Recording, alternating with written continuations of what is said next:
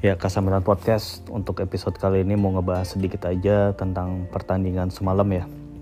Pre-season antara Milan dan FC Köln. Sebenarnya ini pertandingan kedua sih buat Milan ya. Kemarin udah ada game pemanasan lah lawan Al Lemino eh Lemine Almeno gitu kan yang 3-0 itu skornya tapi kan itu nggak nggak masuk hitungan lah. Itu mainnya juga di lapangan latihan dan apa sistemnya juga nggak standar gitu.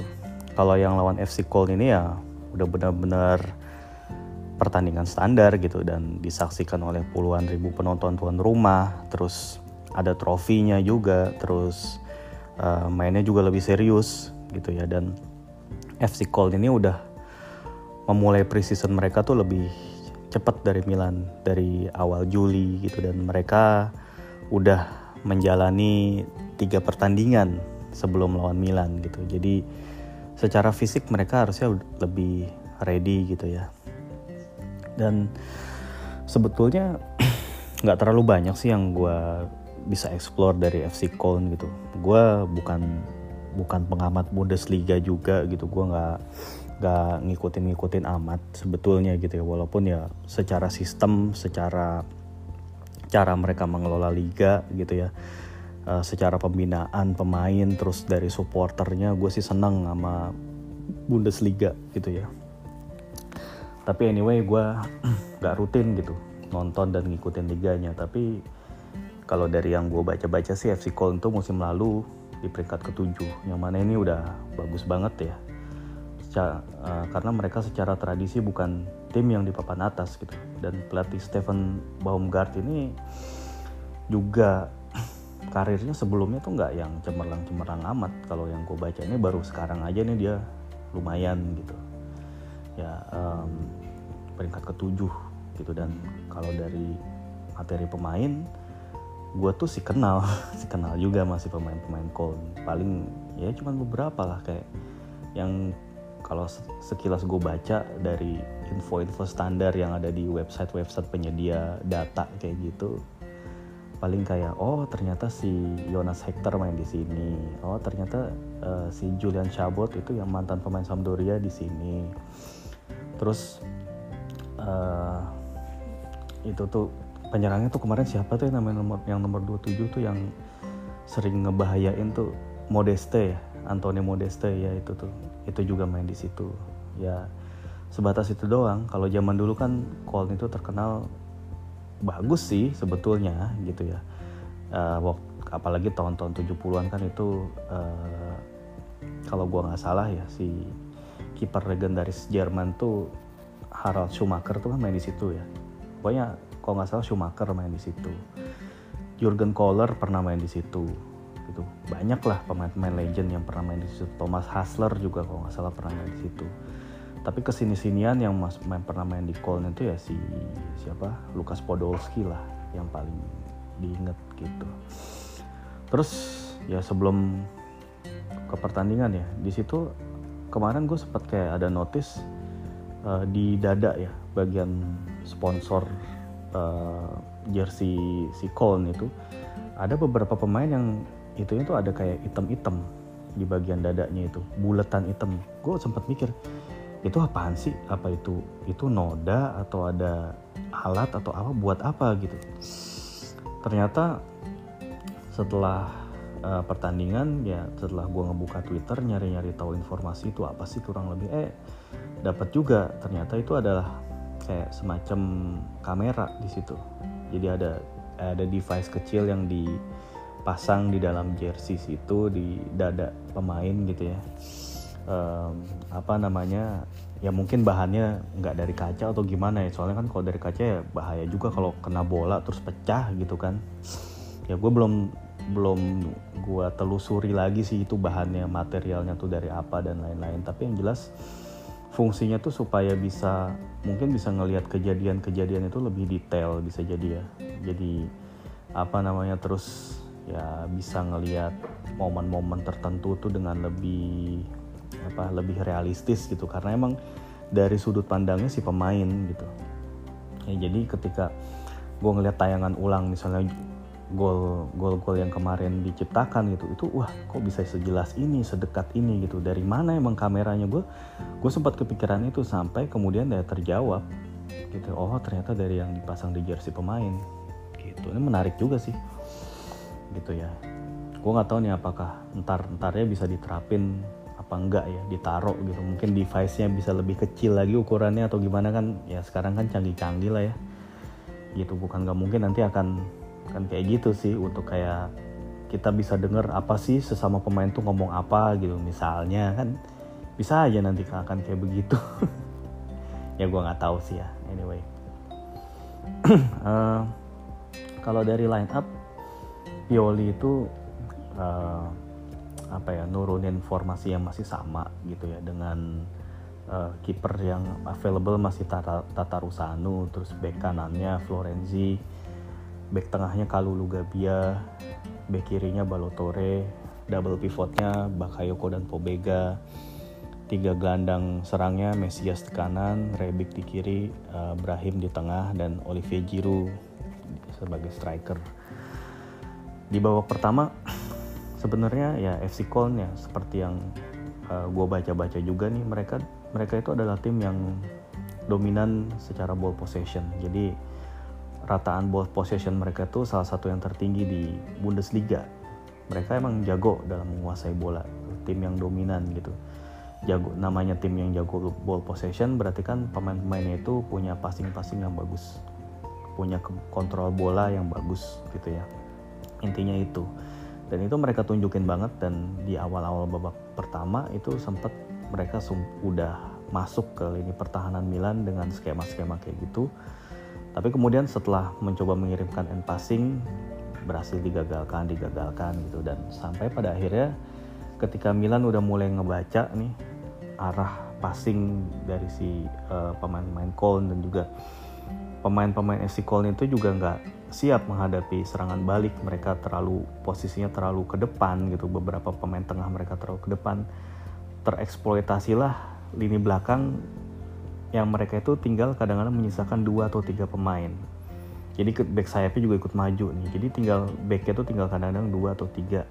Nah sementara pemain Milan ketika melakukan counter itu cepet banget cepat banget dan gak cuman dua atau tiga orang. Milan tuh bisa menempatkan 4 sampai lima pemain ketika melakukan serangan balik.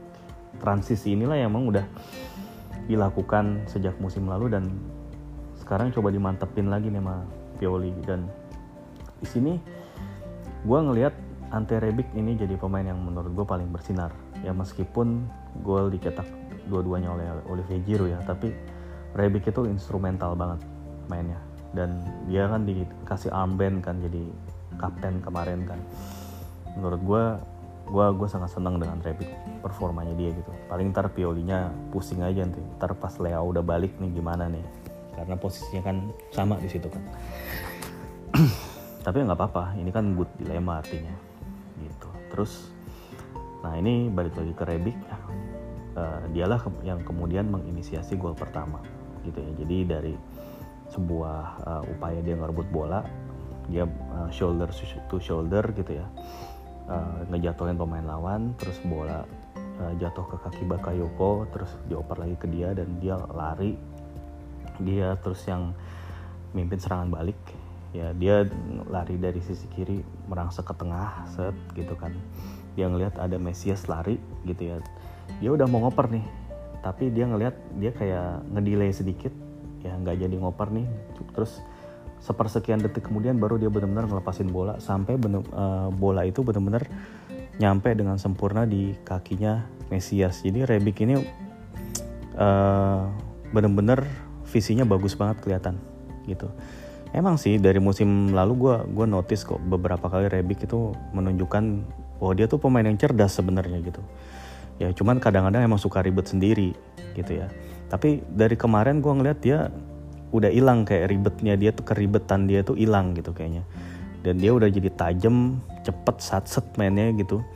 Itu ditunjukin kemarin dia ngasih ke Mesias dan Mesias balikin lagi ke dia dan dia langsung ngasih end passing pakai back heel. End passingnya tuh rada nanggung sebenarnya karena lebih dekat ke kiper. Cuman ya si Giroud dengan sangat berkelas dia ngechip bola lewatin badan kiper eh, lewatin kepala kiper langsung diceplosin ke gawang kosong tuh berkelas banget asli sih. Itu juga yang dilakukan uh, dilakuin Jiro itu uh, sangat berisiko gitu kalau seandainya dia ngechip bola tapi terus bolanya ternyata nggak terlalu tinggi gitu ya. Kena muka kiper misalnya gitu. Ya itu konyol juga jadinya. Tapi ya itu sebetulnya ya apa ya ada unsur sebetulnya sesuatu yang nyaris gitu. Tapi membuatnya jadi bagus gitu ya ya emang kan ya gol salto itu kan sebetulnya dari umpan yang agak-agak kejauhan tapi kemudian secara akrobatik berhasil diselesaikan. Gitu. Ya emang sesuatu yang kadang-kadang nggak pasti atau hampir apa-apa itu bisa biasanya didahului dengan kejadian-kejadian yang ya sebenarnya di luar rencana gitu. Ya gitu. Dan karena itulah emang manusia beradaptasi gitu. Dan terus kemudian um, jauh nggak lama dari gol pertama itu gol kedua datang lagi kemudian sama dari uh, quick counternya juga. Ke, kali ini Brahim Diaz ya. Brahim Diaz sepertinya mencoba menunjukkan uh, bahwa dia mampu gitu. Dia mampu nge-carry tim ini. Emang cukup berhasil. Yang pasti itu udah punya speed. Dia udah punya power gitu ya. Dia uh, menumbuhkan otot dia gitu ya. Jadi nggak terlalu gampang jatuh lagi tapi emang yang dia masih belum punya itu akurasi sih. Terutama ketika dia harus menembak. Gitu. Ada beberapa momen di awal-awal juga uh, di mana dia itu udah nemu ruang tembak dia, dia udah berhasil ngegeser bola nemu ruang tembak pakai kaki kiri. Cuma nendangnya nendang nendang angin gitu. Gak jelas arahnya. Itulah akurasi seperti yang dia tunjukin pas lawan Lemine Almeno itu di depan gawang. Bahkan dia udah ngegocek kipernya ketika nendang ke gawang kosong dia nggak masuk pakai kaki kiri gitu gue nggak ngerti kayaknya Brahim itu uh, auto shootnya itu mesti dibenerin deh dilatih banget supaya bisa nemuin gawang. Itu antara insting dan apa ya ketenangan sih gue bilang.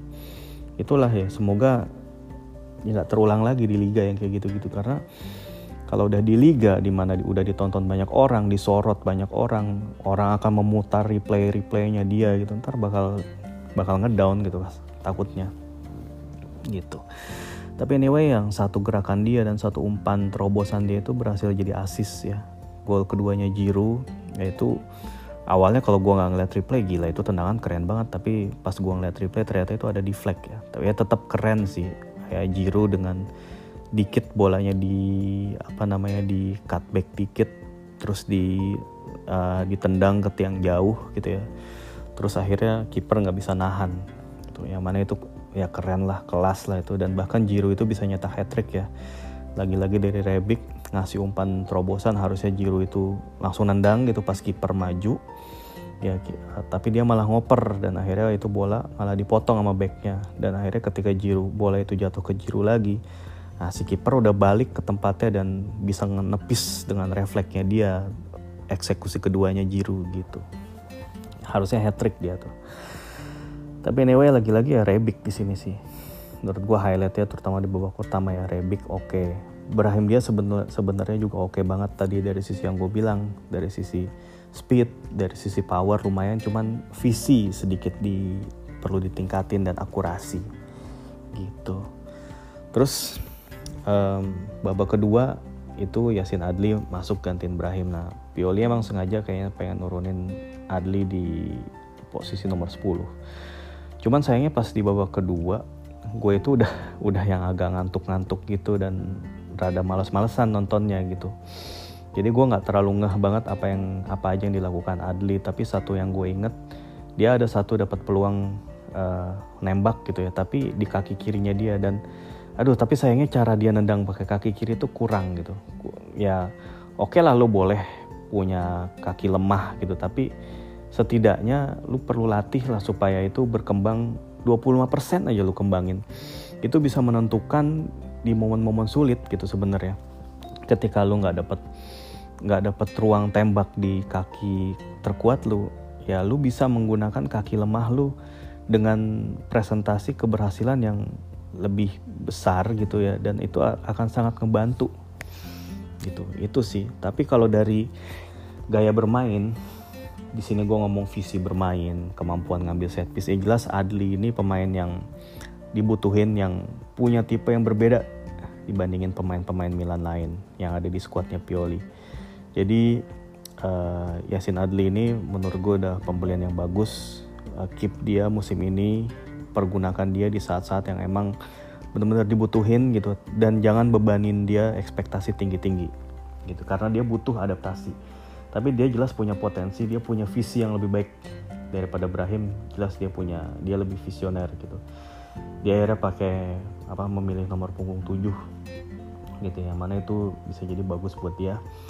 Semoga aja gitu ya. Dia semoga dia makin pede makin bagus ya. Terus ya selanjutnya kan yang dimainin main-main Primavera ya. Tata Rusano by the way ada bikin satu penyelamatan bagus Mirante juga bikin satu.